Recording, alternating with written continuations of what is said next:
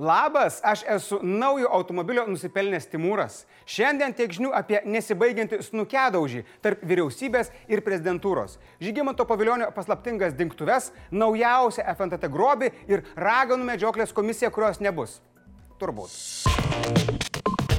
Sveiki susirinkę į politinį ringą, kuriame šiandien susitinka amžini varžovai. Kairiajame ringo kampe raudonų šortus vilkintis Gitanas Nausėda ir jo patarėja Atsakais Grytė. Dešiniajame mėlynai šortukai su krekžute pasidabinę Gabrielius Landsbergis ir Ingrida Šimonytė. Kovotojai taip nemėgsta vienas kito, jog prieš kovą net nesidaužė pirštinėmis. Rieškit savo blogiausią klausimą. Pirmą smūgį metą nausėda. Po šimonytės sprendimo nieko neatstatydinti ir dirbti toliau, Gitanas drėbė. Anokia čia pergalė, labiau pralaimėjimas. Nu, anoks čia smūgis, toks labiau paerzinimui. Tačiau nespėjusius įkvėpti valdančiuosius, iškart niukštų pavaišina, matyt kartu su Gitanu į antrą kadenciją besiruošianti jo patarėja Atsaskais Grytė. Ji išsakė nuomonę, jog liko ne tik ministrai, bet ir problema ir didžiulė gėda prieš mūsų partnerius amerikonus. Anot jos svarbu ne tik įvertinti klaidas, bet ir rasti kas už jas atsakingas. Kas yra keista, nes matome, kaip Asta keičia taktiką. Neseniai dar sakė, kad dabar nelaikas pirštais badyti, o galvoti, kaip ištaisyti padėtį. Priartėjusi arčiau prie savo priešininkų, jų ausis jis užnapždėjo. Įmonės vadovas, tai yra Bartuška, kuris sakosi dernės veiksmus su vyriausybė, neturėtų tapti atpirkimo ožiu. Dabar smūgis krenta Gabrielius, kai Grytė teigia, kad be trašų klausimo yra ir kitų dalykų, kurie prezidentui atrodo keisti. Pavyzdžiui, duomenų saugumo klausimas. Patarė klinčiuojasi su Gabrieliumi ir kol teisėjas nemato, duoda jam vieną iš pėties į nosį. Žurnalistams jis sako, kad čia tikrai neturima omeny darbinio dviejų institucijų, tai yra prezidentūros ir užsienio reikalų ministerijos susirašinėjimo, kurio fragmentai buvo tendencingai atrinkti ir paviešinti tada, kai reikia permušti skandalą. Smūgis neblogas, taktika nelabai žvari, bet ringo dešinė dar netokių yra mačiusi. Sugėrusi porą neblogų oponentų smūgių, į polimą perina Ingrida. Na, pabandysiu kažkaip etiškai pakomentuoti. Geras užsimojimas dešinę. Būtų gerai, jog priekaištus ministrams dėl to, kad jie neįgyvendino Lietuvoje sankcijų, kurios nėra Lietuvai skirtos, vis dėlto nežertų žmonės, kurių nuomonė dėl ES sankcijų, kurios būtų jau tiesiogiai taikomos Belkaliaus trašoms, na, sakykime, nebuvo tokia griežta. U, skaudus smūgis į kepenis. Politikai turi politinę atsakomybę, įmonės vadovas turi įmonės vadovo atsakomybę. Sprendimą dėl įmonės vadovo priėmė įmonės valdyba, kuri yra nepriklausoma. Neblogas atsakas į patrios smūgį dabar jau užbalansuota, vos pastovi ant kojų. Reikia užbaigti šią kovą kuo greičiau kad ministrų klausimus spręstų prezidento patarėjai, aš niekur konstitucijoje nemačiau. Ir nokautas, mes turime nokautą, patarėja iškrito ir nebegali atsistoti. Panašu, kad į kovą jie jau nebegrįž. Kairiajame kampe liko tik prezidentas. Tačiau dabar ištoja Landsbergis, neleidžia Gitanui išeiti iš savo kampo. Ir ką mes matome, jis net nesmūgiuoja. Jis tiesiog vaiposi, tyčiojasi iš oponentų smūgių ir laksto aplink ringą. Kaip Jūs vertinate ponios Kaisgrytę šio ryto pareiškimus? Nemačiau. Kad... Neskaičiau, žinokit, pareiškimų, turėsiu dar skirti laiko susipažinti. Panašu, kad jis net nesiruošia smūgiuoti. Jaučiate prezidento pasitikėjimą? Nejaučiu nepasitikėjimo. Kol Landsbergis vaipėsi ir nenutraukė kovos dvigubų nokautų, prezidentas išvyko į Briuselį ir ši kova tęsis tikriausiai jau privačiai, kai Gitanas grįž į daugantų rūmus su naujomis jėgomis, o patrėje užsilažys šioje kovoje patirtas žaizdas. Tuomet šviežiai užsimovė švarias pirštinės, į jų rezidenciją vizitui atvyks Gabrielius ir Ingrida. Na, arba telefonu išsiaiškins. Po šiandien įvykusios kovos Šimonytė taip pat pasidžiaugė, kad su komanda sudirbo gana neblogai. Per šiuos metus jie pasiekė tikrai daug. Atsisėdau ir labai sažiningai įsivertinau, ar vyriausybei pavyko padaryti tai, ką jį buvo šiems metams nusimačiusi. Ir žinokit, net pati buvau šiek tiek nustebusi, sakyčiau, kad kokiais 85-90 procentų ir pavyko. Tikrai džiaugiamės už kovotoją premjerę. Tačiau šiandienos kovų ringė tai ne paskutinė kova. Kviečiu kartu su manimi apžvelgti, kaip paviljonis atlaikys bendrapartiečių smūgių krušą. Net ir be šulijos aišku, kad kruša bus. Žygimantas Paviljonis paskelbė, kad savo norų iš užsienio reikalų komiteto pirmininko pareigų nesitrauks. Nors jo bendrapartiečiai išreiškė nepasitikėjimą jo kaip pirmininku, Žygis mano, kad valstybei dar gali būti naudingas. Už savo klaidas atsiprašo visų, net ir žurnalistų. Anot jo, jis būtų atsistatydinęs kartu su dviem ministrais. Tačiau kadangi šie savo pozicijas išsaugojo, kodėl iš darbo turi išėti jisai, o savo kolegoms, kurie siūlo jam palikti postą, pats turi pasiūlymą laikinai pamiršti diskusijas apie tai. Bent iki tol, kol sustos tranzitas. Tuo pačiu žygis atsėmė visus klausimus ir pareikalavimus, kuriuos siuntė skaisgrytai. Ar jų dar bus? Neaišku, nes paviljonis pažada sieks glaudesnio bendradarbiavimo su prezidentūra. Mhm, sėkmės. Ką į tai paviljonio kolegos? Konservatorių frakcijos seniūnė Radvilė Morkūnaitė Mikulėninė apgailestauja, kad žygis visgi neišgirdo kolegų raginimo trauktis. Ji nemano, jog frakcija nuo pozicijos atsitrauktų. Gal bent trumpam reikia atsitraukti nuo paviljonio. Žmogui buvo tikrai sunki savaitė. Darbė jis nesirodė nuo antradienio, kai išgirdo apie nepasitikėjimą. Į skambučius niekam irgi neatsakinėjo, net Seimo pirmininkės neinformavo. Tik surpliui numetė SMS, kad pavaduotų, kol šis graušis namuose.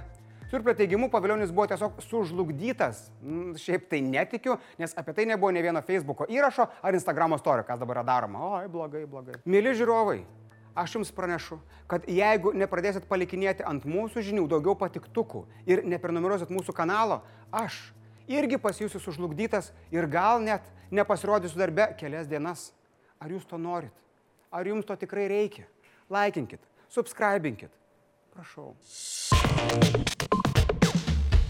Šiaulių apygardos prokuratura ir FNTT padarė rimto darbelio ir ištyrė gigantiško masto PVM grobstimo bylą.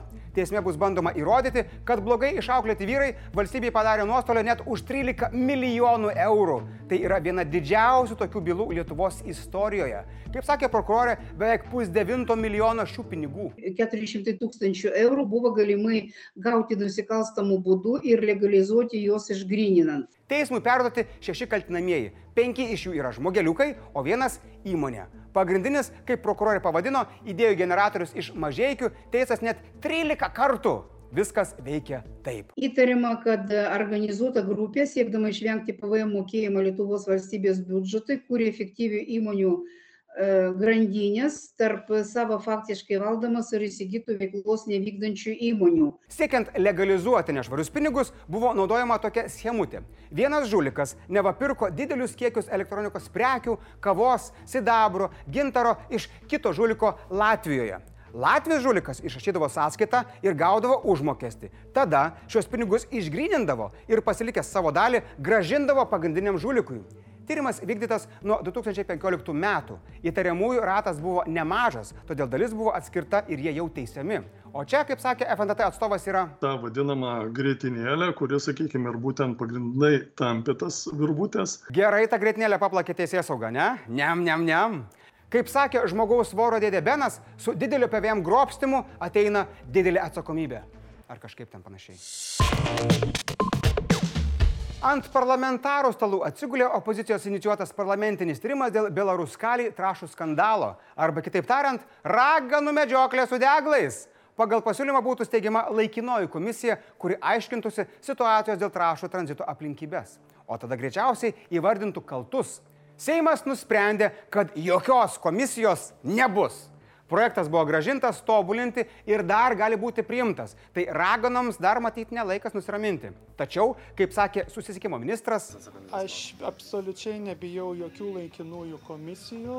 Socdemas Paluckas sako, kad komisija pasakytų, ar ministrai Landsbergis ir Skuodis visiems melavo, o Valsėtė Norkienė pridėjo, kad jei neturi ko slėpti, tai nėra ko bijoti tyrimo. Arba, kaip senovėje sakydavo, prieš metant įtartinas raganas į vandenį, jei nuskęs, tai neragana, o jeigu plūduriuos, tai ragana, todėl reikės sudeginti.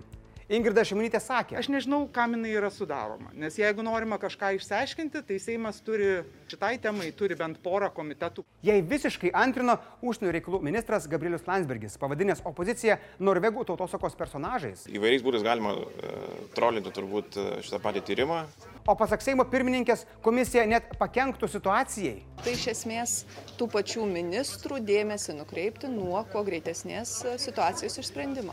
Kitaip tariant, prikaišytų pagalių į ratus. Na, bėda, kad kalis keliauja traukiniais, kurių ratai pagalius trašo kaip kokius kukurūzus. Vat easy tiesiog.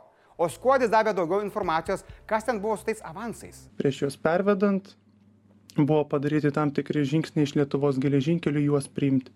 Tačiau sutartyje buvo padaryta ir kitų pakeitimų, kurie Sumažino galimybės nutraukti sutartį vienašališkai, jeigu stringa mokėjimai. vadinasi, kažkas geležinkeliuose veikia prieš Lietuvos interesus arba nepadarė reikiamų dalykų, kad apsaugotų nuo to, ką dabar turime. Aš labai nuoširdžiai noriu tikėti, kad tai buvo netyčia nepadaryta. Ministrė, netyčia būna vaikai daromi arba stirnos nuo kelio daužomos. Lietuvos geležinkeliuose netyčia. Mm, mm. Taigi dabar atsakymų laukiame iš skuodžio, Seimo komitetų arba tos komisijos, kuri galbūt dar išvydino šviesą. Spėju kažkam šiuo metu niešti ten tos kakliukus, nes galva ant to kaklo matyti neilgai nelaikysis, ne? Blitz naujienos. Vilnius ir Kaunas ragina žmonės naujametinę naktį vengti didelių susibūrimų, o sostinė pranešė, kad iš vis atsisako ferverkų ir proginių renginių, bet tradicinius ferverkus žada dar Kaunas. Bendroviai Sanitex už kartelį skirta 12 milijonų 600 tūkstančių eurų bauda. Jei įmonė nebūtų prisipažinusi ir bendradarbiavusi su konkurencijos taryba, baudelė būtų net 7-5 procentais didesnė.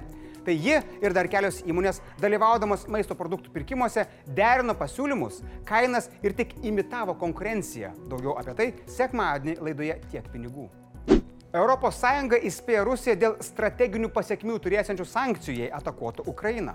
Bet nors Europos lyderiai stengiasi išsaugoti savo kaip Ukrainos ir Rusijos krizės tarpininkų vaidmenį, Kremlius pademonstravo, kad labiau norėtų kalbėtis su Vašingtonu tiesiogiai. Draugai, primenu, kad jūs turit paskutinį šansą užduoti man klausimą, nes mes greit filmuosim specialią kalėdinę tiek žinių laidą. Tai rašykit, drąsiai klauskit, ko norit. Ir dabar vat, labai džiaugiuosi, kad yra ketvirtadienis ir tai bus penktadienis ir vat, jau tuoj, tuoj aš būsiu kaip šitas pingvinas.